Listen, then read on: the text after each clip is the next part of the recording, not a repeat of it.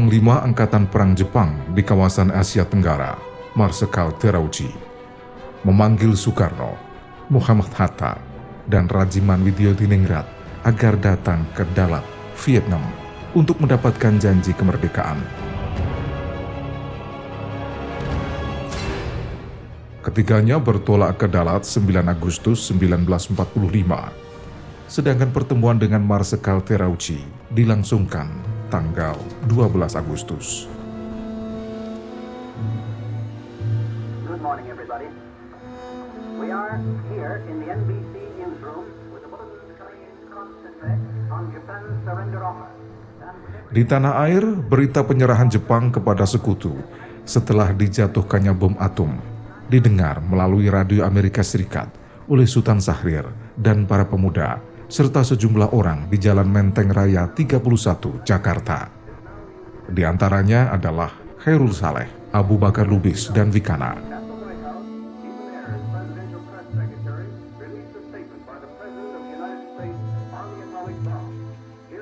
Para pemuda itu lalu mengadakan rapat di salah satu ruangan di lembaga bakteriologi di Pegangsaan Timur. Kita harus menolak kemerdekaan dari Indonesia. Kita harus proklamirkan sendiri. Nippon sudah kalah. Telak.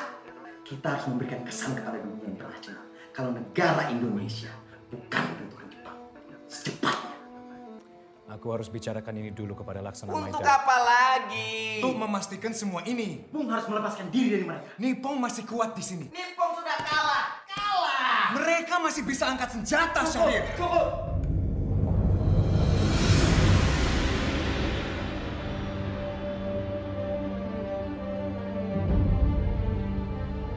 Rapat dipimpin oleh Khairul Saleh dan menghasilkan keputusan tuntutan-tuntutan golongan muda yang menegaskan bahwa kemerdekaan Indonesia adalah hal dan soal rakyat Indonesia sendiri, tidak dapat digantungkan kepada bangsa lain. Hubungan dan janji kemerdekaan harus diputus.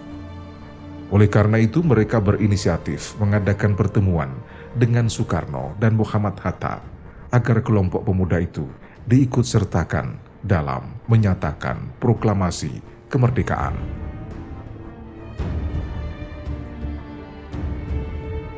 Bung Karno dan Bung Hatta yang baru pulang menghadap Marsikal Terauchi di Vietnam tanggal 15 Agustus jam 10 malam didesak oleh kelompok pemuda yang dipimpin oleh Wikana dan Darwis yang mewakili kelompok muda.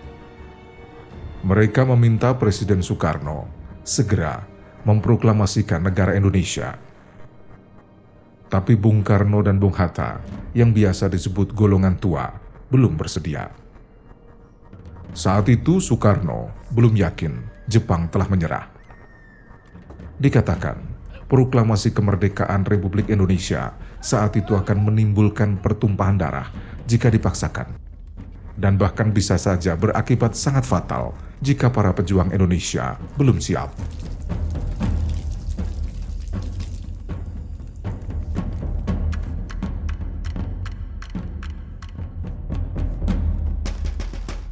Presiden Soekarno juga mengingatkan kepada Bung Hatta dan Sahrir bahwa mereka tidak berhak memproklamasikan kemerdekaan.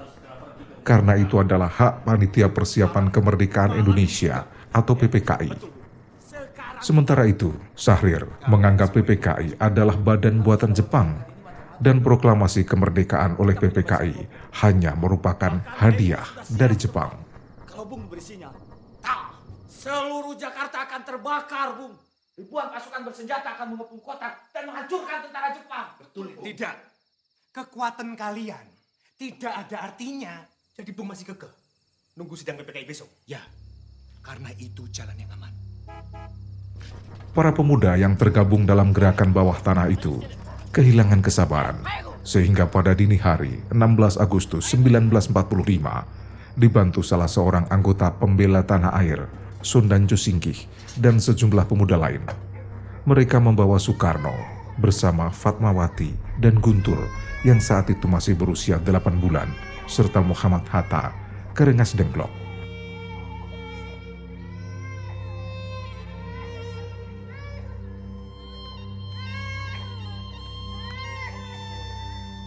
Tokoh-tokoh pemuda yang membawa Soekarno di antaranya adalah Yusuf Kunto, Soekarni, dan Sudanco Singgih.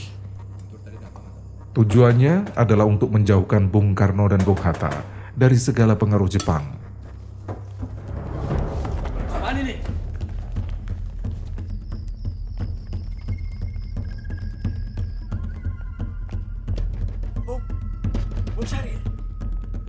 Perjalanan ke Rengas Dengklok dikawal tentara peta dilakukan sesudah makan sahur karena saat itu bertepatan dengan bulan Ramadan.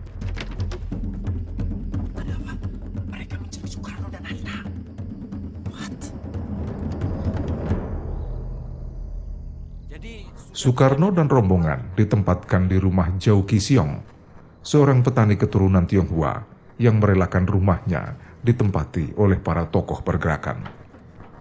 Peristiwa ini dikisahkan penulis buku Trilogi Bung Karno, Dian Soekarno. Rengas Dengklok adalah satu titik peristiwa mengawali peristiwa maha penting kemerdekaan bangsa Indonesia yang sekarang kita peringati 72 tahun. Rengas Dengklok menduduki peristiwa yang sangat penting bagi perjalanan bangsa ini karena mencerminkan bagaimana sikap pejuang-pejuang muda, generasi-generasi muda Indonesia yang dimotori oleh Soekarni, Wikana, dan yang lainnya agar mempercepat proses proklamasi kepada generasi senior yakni Bung Karno dan Bung Hatta. Namun Bung Karno memiliki pertimbangan lain karena sebagai generasi senior, generasi tua yang kenyang makan asam garam kehidupan, berkali-kali dipenjara oleh pihak kolonial maupun pada era pendudukan Jepang sehingga Bung Karno memerlukan waktu yang sangat pas untuk digunakan menentukan nasib bangsa ke depan berupa proklamasi kemerdekaan.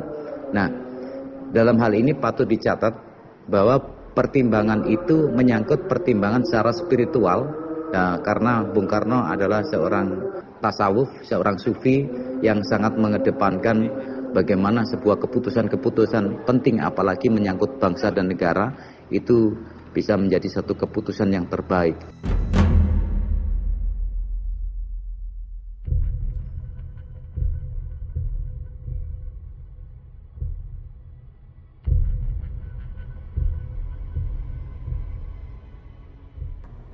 Para pemuda tetap memaksa agar tanggal 16 Agustus, Bung Karno dan Bung Hatta bersedia menyatakan proklamasi kemerdekaan.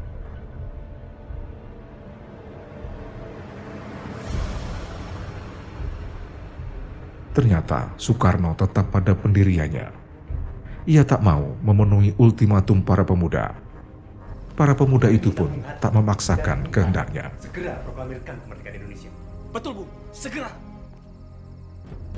Tidak. Kenapa tidak? Bung takut. Kami tidak takut. Kami tidak mau gegabah. Baik. Kalau Bung tetap seperti ini, kami akan Akan apa? Kamu akan apa?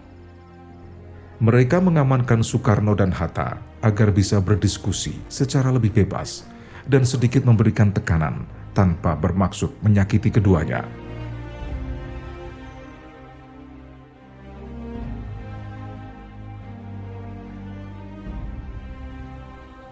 Sehari penuh, Soekarno dan Hatta berada di Rengas Dengklok.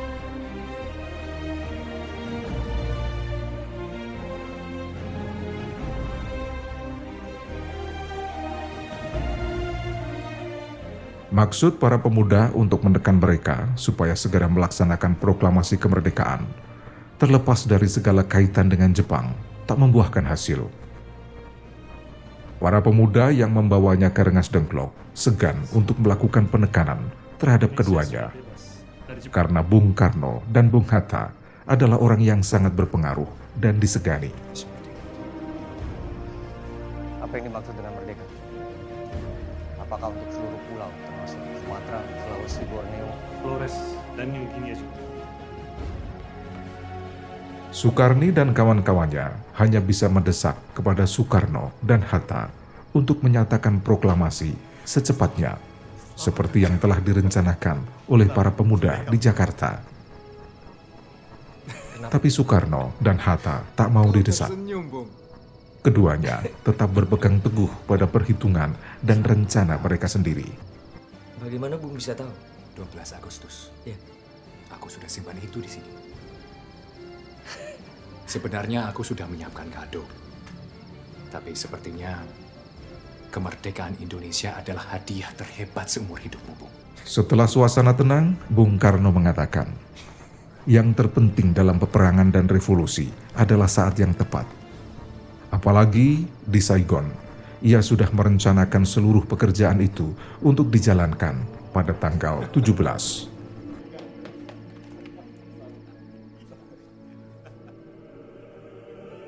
Menurut Bung Karno, 17 adalah angka suci. Karena Al-Quran diturunkan tanggal 17 dan orang Islam sembayang 17 rakaat. Oleh karena itu, kesucian angka 17 diyakini Bung Karno bukan buatan manusia. Bung Karno selain istiqoroh atau melakukan sholat malam untuk memohon petunjuk, Bung Karno juga melakukan pendekatan pada ulama-ulama kos, ulama-ulama visioner terkait penentuan tanggal proklamasi. Maka ditemuilah tiga tokoh ulama, salah satunya adalah RMP Sosro Kartono atau Raden Mas Panji Sosro Kartono yang merupakan kakak kandung dari Raden Ajeng Kartini. Atas pertimbangan beliau-beliau para ulama, Bung Karno sangat meyakini yang tepat adalah tanggal 17 Agustus 1945 dengan satu asumsi bahwa hal itu dikaitkan dengan beberapa keyakinan khususnya kaum muslim bahwa kaum muslim atau umat Islam diperintahkan untuk melakukan sholat sebanyak 17 rakaat.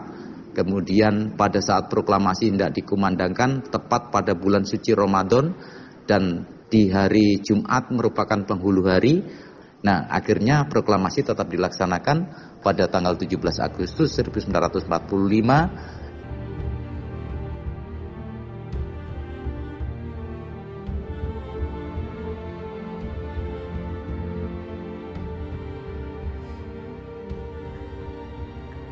Setelah semalaman berdiskusi, merumuskan naskah proklamasi, hari Jumat 17 Agustus 1945 jam 5 pagi, rombongan dari Rengas Dengklok kembali ke Jakarta. Mereka telah sepakat untuk memproklamasikan kemerdekaan bangsa Indonesia di rumah Soekarno, Jalan Pegangsaan Timur nomor 56, Jakarta, pada jam 10 pagi.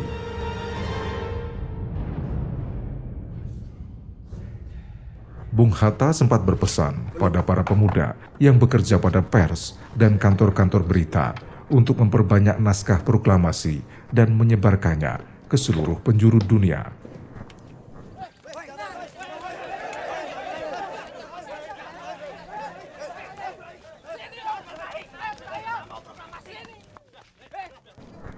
Jelang pelaksanaan proklamasi kemerdekaan, suasana di Jalan Pegangsaan Timur 56 cukup sibuk. Wakil Wali Kota Suwiryo memerintahkan pada Mr. Wilopo untuk mempersiapkan peralatan yang diperlukan, seperti mikrofon, beberapa pengeras suara, dan satu tiang bendera.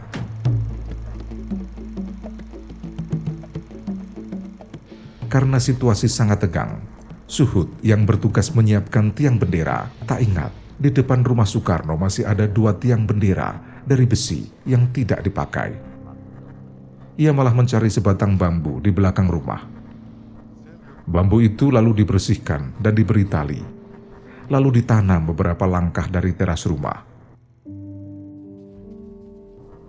Bendera yang dijahit dengan tangan oleh Fatmawati juga sudah disiapkan.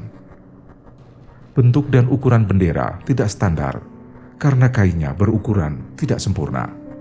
Memang kain itu awalnya tidak disiapkan untuk bendera.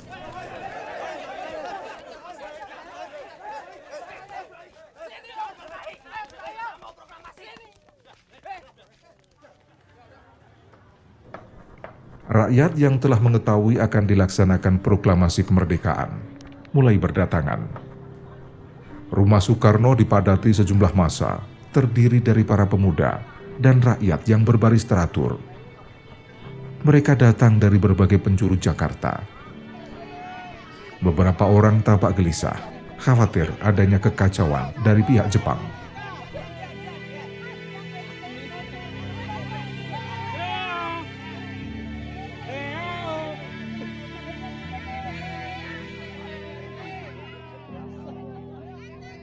Matahari semakin tinggi, proklamasi belum juga dimulai. Saat itu Soekarno sakit. Malamnya panas dingin terus-menerus dan baru tidur setelah selesai merumuskan teks proklamasi yang dibuat sekitar jam 2 atau 3 dini hari di rumah seorang perwira tinggi Angkatan Laut Jepang, Laksamana Muda Tadashi Maeda di Jalan Diponegoro, nomor 1.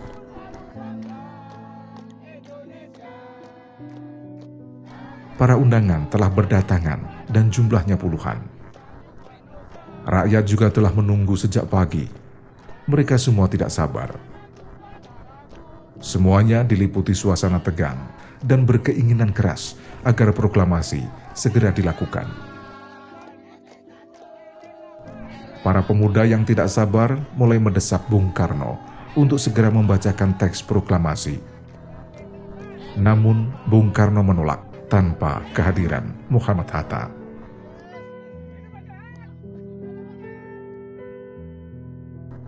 Sekitar lima menit sebelum acara dimulai, Bung Hatta datang dan langsung menuju kamar Soekarno.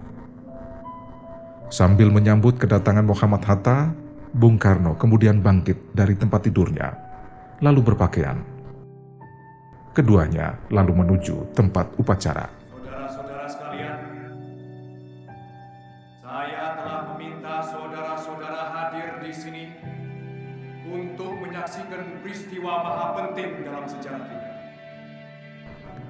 Latif Hendraningrat, salah seorang anggota pembela tanah air, segera memberi aba-aba kepada seluruh barisan pemuda yang telah menunggu sejak pagi untuk berdiri. Serentak, semua berdiri tegak dengan sikap sempurna. Latif kemudian mempersilahkan Soekarno dan Muhammad Hatta maju beberapa langkah mendekati mikrofon. Proklamasi Kami, bangsa Indonesia, dengan ini menyatakan kemerdekaan Indonesia. Hal-hal yang mengenai pemindahan kekuasaan dan lain-lain diselenggarakan dengan cara saksama dan dalam tempo yang sesingkat-singkatnya. Jakarta, 17 Agustus 1945 atas nama bangsa Indonesia Soekarno Hatta.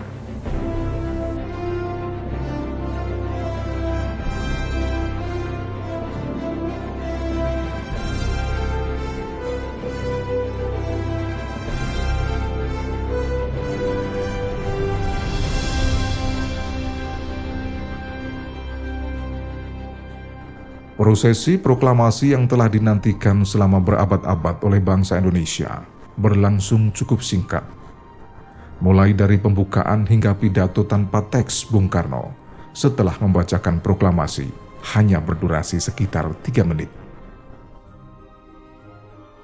Setelah membacakan doa, Dwi Tunggal, Bung Karno, dan Bung Hatta turun ke halaman untuk mengikuti upacara pengibaran bendera yang pertama kalinya setelah Indonesia merdeka. Lagu Indonesia Raya menjadi lagu yang pertama dinyanyikan di alam merdeka.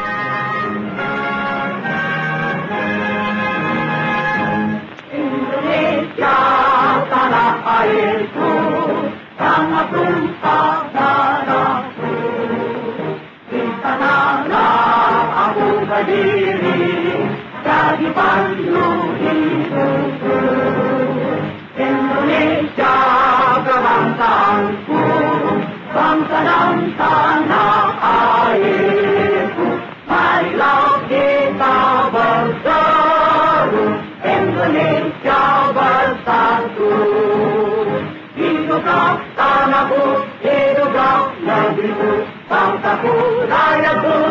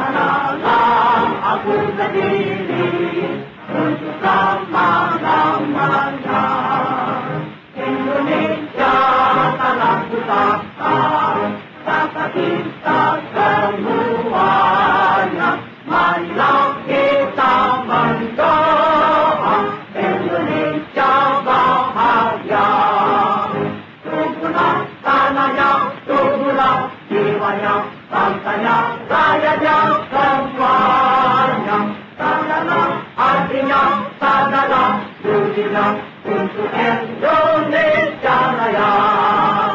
Indonesia Raya merdeka merdeka tanah pun tertidur.